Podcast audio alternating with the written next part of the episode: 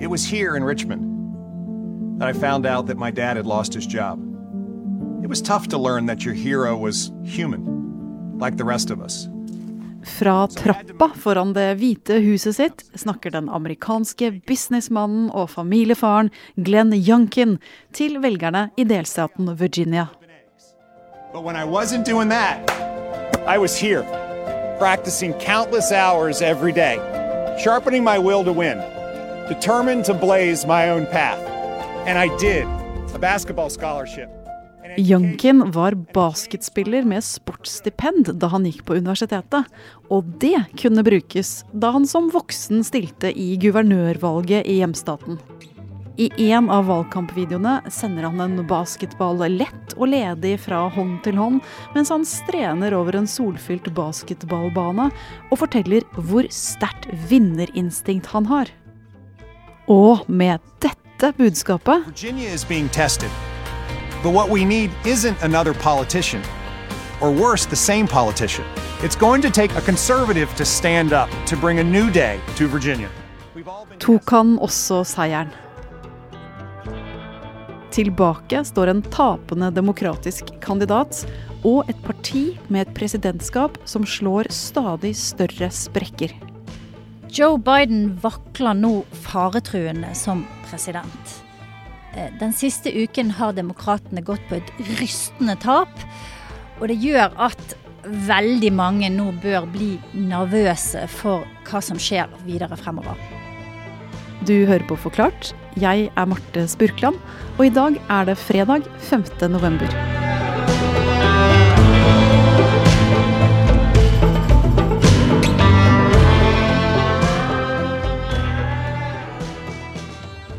USA har 50 delstater, og hver delstat blir ledet av en guvernør, som velges av befolkningen i den delstaten. Eh, Så er det sånn at det er ikke alle guvernører som velges samtidig, og i år var det to delstater som hadde guvernørvalg. Det var Virginia og New Jersey. Kristina Pletten, du er politisk kommentator her i Aftenposten. Hvor viktige er slike guvernørvalg?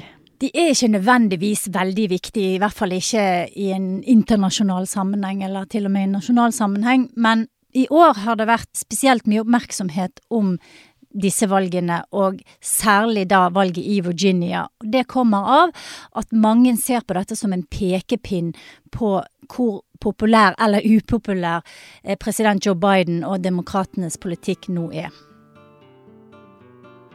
For i utgangspunktet skulle jo demokratene hatt veldig god kontroll på årets guvernørvalg i Virginia. I presidentvalget for bare ett år siden slo Joe Biden Donald Trump med hele 10 prosentpoeng i denne delstaten, som vanligvis er solid demokratisk. Ingen republikaner har vunnet et valg i Virginia på tolv år. Men nå, inn fra sidelinjen, kom en konservativ joker. Stand up for us, Virginia. Well, let me tell you, Virginia is going to stand up for them tomorrow. That's what we're going to do. Glenn Youngkin er en sånn typisk eh, forstadspappa som appellerer veldig til eh, en slags middelklassevelger. Han har eh, kjørt en valgkamp der han har forsøkt å eh, fokusere mye på skole og utdanning og trygghet og økonomi og sånne klassiske temaer som opptar dette segmentet av befolkningen.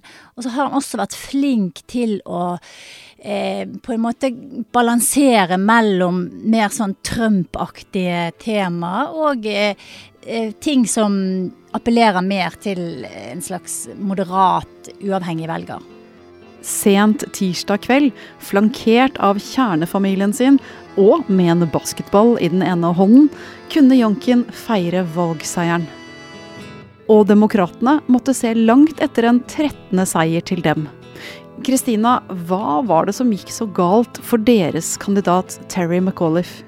Jeg tror kanskje den store feilen han gjorde, var å forsøke å binde Youngkin til Trump.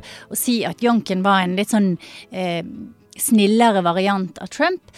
Det eh, slo ikke an spesielt godt blant velgerne, og dermed så ga han jo også mer oppmerksomhet til sin motstander enn han gjorde til sin egen politikk. Kanskje burde han ha vært flinkere til å snakke om hva han ville gjøre som guvernør, og hva han syntes var viktig for delstaten. Eh, og dette er litt av den samme feilen som Hillary Clinton gjorde i eh, 2016, da hun tapte til Donald Trump. Men Virginia er jo bare én delstat i en veldig stor nasjon, så hvorfor er dette valget blitt sett på som så viktig? For det første så er Virginia en vippestat. Det betyr at det er en delstat der eh, velgerne eh, svinger fra år til år mellom demokratene og republikanerne. Eh, det var en delstat som Joe Biden vant ganske eh, klart med 10 prosentpoeng. Eh, og så er det et slags mini-USA. Det har veldig mange av ingrediensene av befolkningen eh, som finnes rundt omkring i USA, fra svarte urbane områder til landbruksområder, eh, til rike forsteder. Eh, og det er kanskje spesielt disse forstadsvelgerne som har vært viktig. Hvor går de, hvilken retning lener de nå eh, ett år etter det store presidentvalget? Og det har Virginia vært med og gitt oss et svar på med dette valget. Så hvor ille er dette tapet for demokratene da? Dette var jo et rystende tap for Det demokratiske partiet. Og det er sånn at det er på mange måter et selvmål, dette her. Det er demokratenes egne politikere som må ta på seg mye av skylden for at det har gått så galt.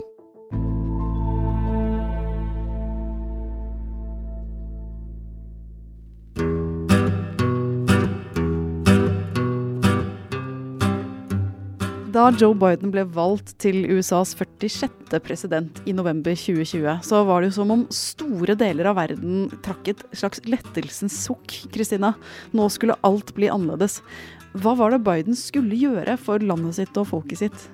Joe Biden hadde som budskap i valget at han skulle gjenoppbygge USA på en bedre måte. Build back better, det var budskapet hans.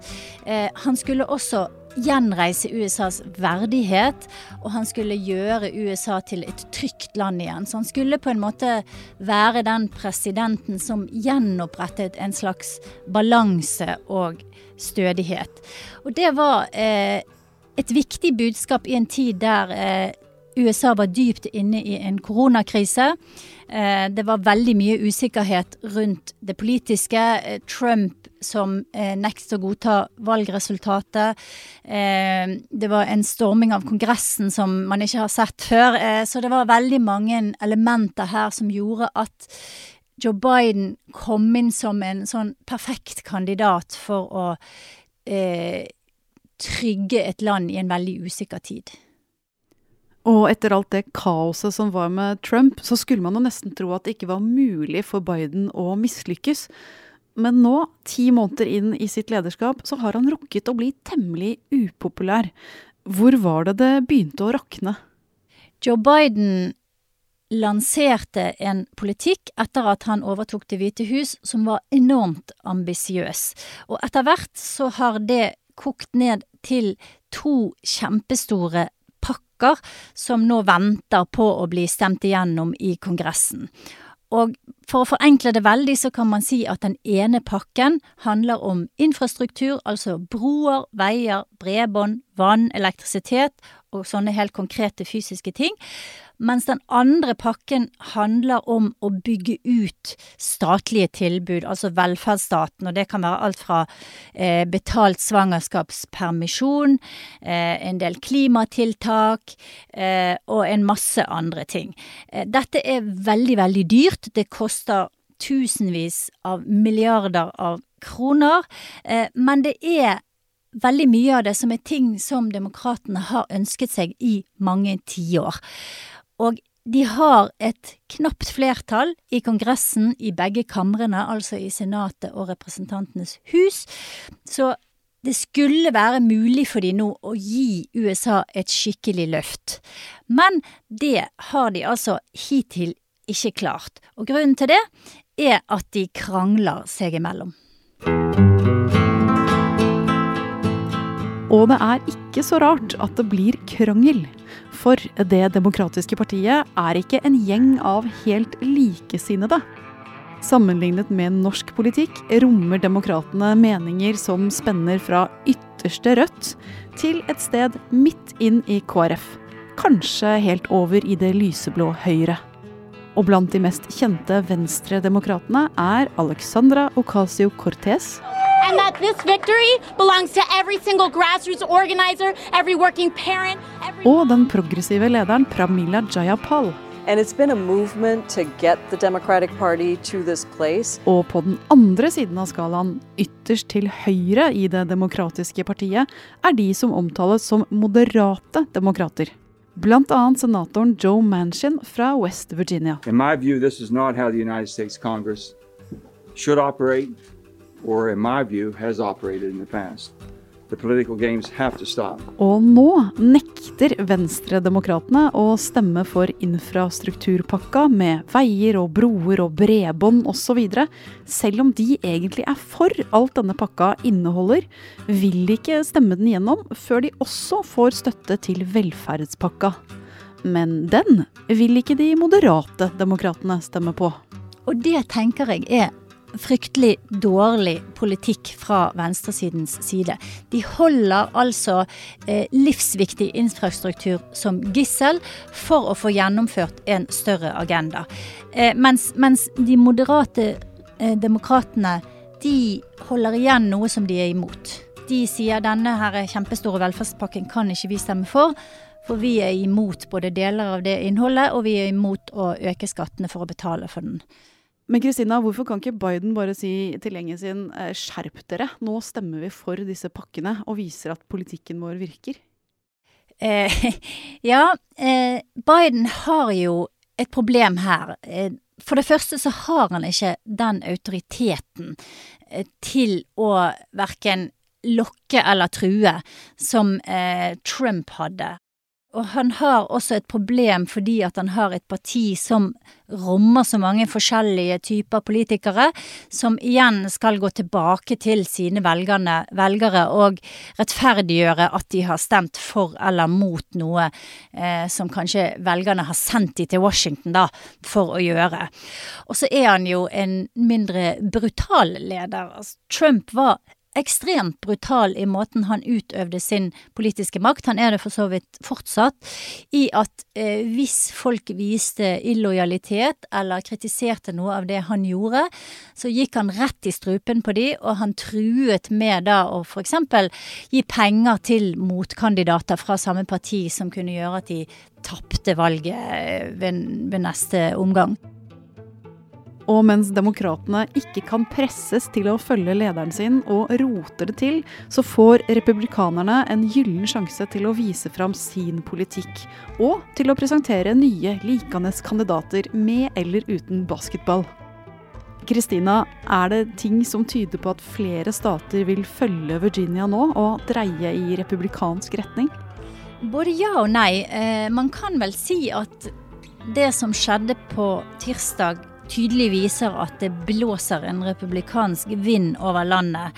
Eh, men det er uklart hvor mye av det som er misnøye med Biden, og hvor mye av det som er at folk faktisk har blitt mer konservative. Eh, det som er en interessant og tydelig trend, det er at det er stadig flere velgere som blir uavhengige. De er ikke fornøyd med verken det demokratiske eller det republikanske partiet. Og eh, det er faktisk den gruppen på meningsmålingene som øker mest, da. Hvem er disse uavhengige velgerne, da, og hvor viktige blir de fremover? De blir kjempeviktige, for, spesielt fordi at de blir flere, men også fordi at de uavhengige velgerne i mye større grad eh, plukker fra begge partiene når de stemmer. Eh, nå er ikke det sånn at uavhengige velgere nødvendigvis er eh, moderate sentrumsvelgere, men eh, de er ofte sånn at de stemmer mer på person enn de gjør på parti. Eh, det var ganske mange uavhengige velgere som f.eks. stemte på Obama eh, i 2012, og som gikk og stemte på Donald Trump i 2016. Så disse blir viktig til neste år, når USA skal velge ny kongress, og når det er enda flere guvernører som skal velges, og senatorer skal velges. Og det kan jo være med på å tippe maktbalansen eh, i Washington fullstendig. Og så er det jo han her, da, Kristina. A goodbye. We love you. We will be back in some form. Det er vel grunn til å tro at han kanskje koser seg litt over en demokratisk president som ikke får til ting. Um, hvis vi skal se fremover mot det neste presidentvalget i 2024, tror du han går for et comeback, Kristina? Eller kan republikanerne velge å gå for en helt annen lederskikkelse? Altså, alle tegn nå tyder på at Trump rigger seg til for å stille igjen eh, i 2024. Eh, og meningsmålinger som har vært gjort, eh, også blant eh, republikanske representanter, viser at de i overveldende stor grad eh, ønsker Trump som kandidat. Den neste kandidaten på listen, som er DeSantis fra Florida, ligger liksom 50 prosentpoeng bak på meningsmålingene. Så det er helt klart at eh, at Trump foreløpig er eh, den overlegne kandidaten.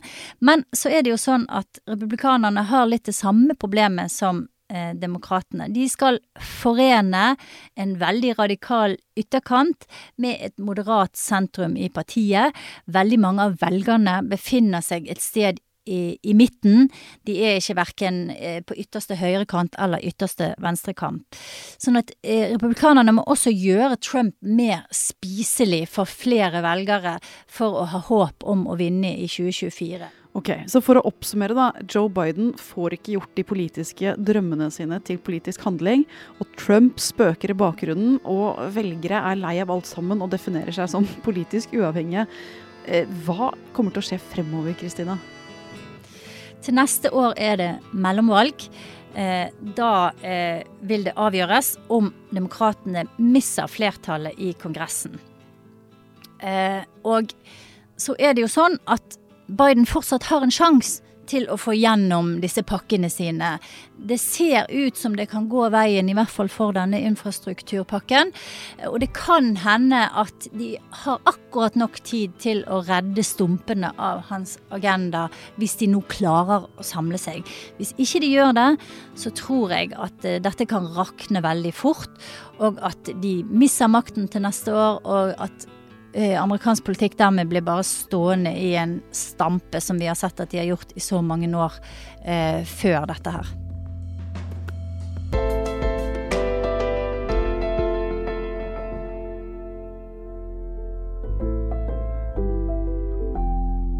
I dagens episode har du hørt Kristina Pletten, som fortsetter å følge med på amerikansk politikk for Aftenposten og Forklart.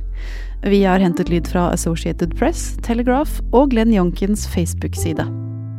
Det er Fride Næss Nonstad, Thea Wold Lyster og jeg, Marte Sprukland, som har laget denne episoden. Resten av Forklart er Synne Søhol, David Bekoni, Anne Lindholm og Guri Leiel Skedsmo.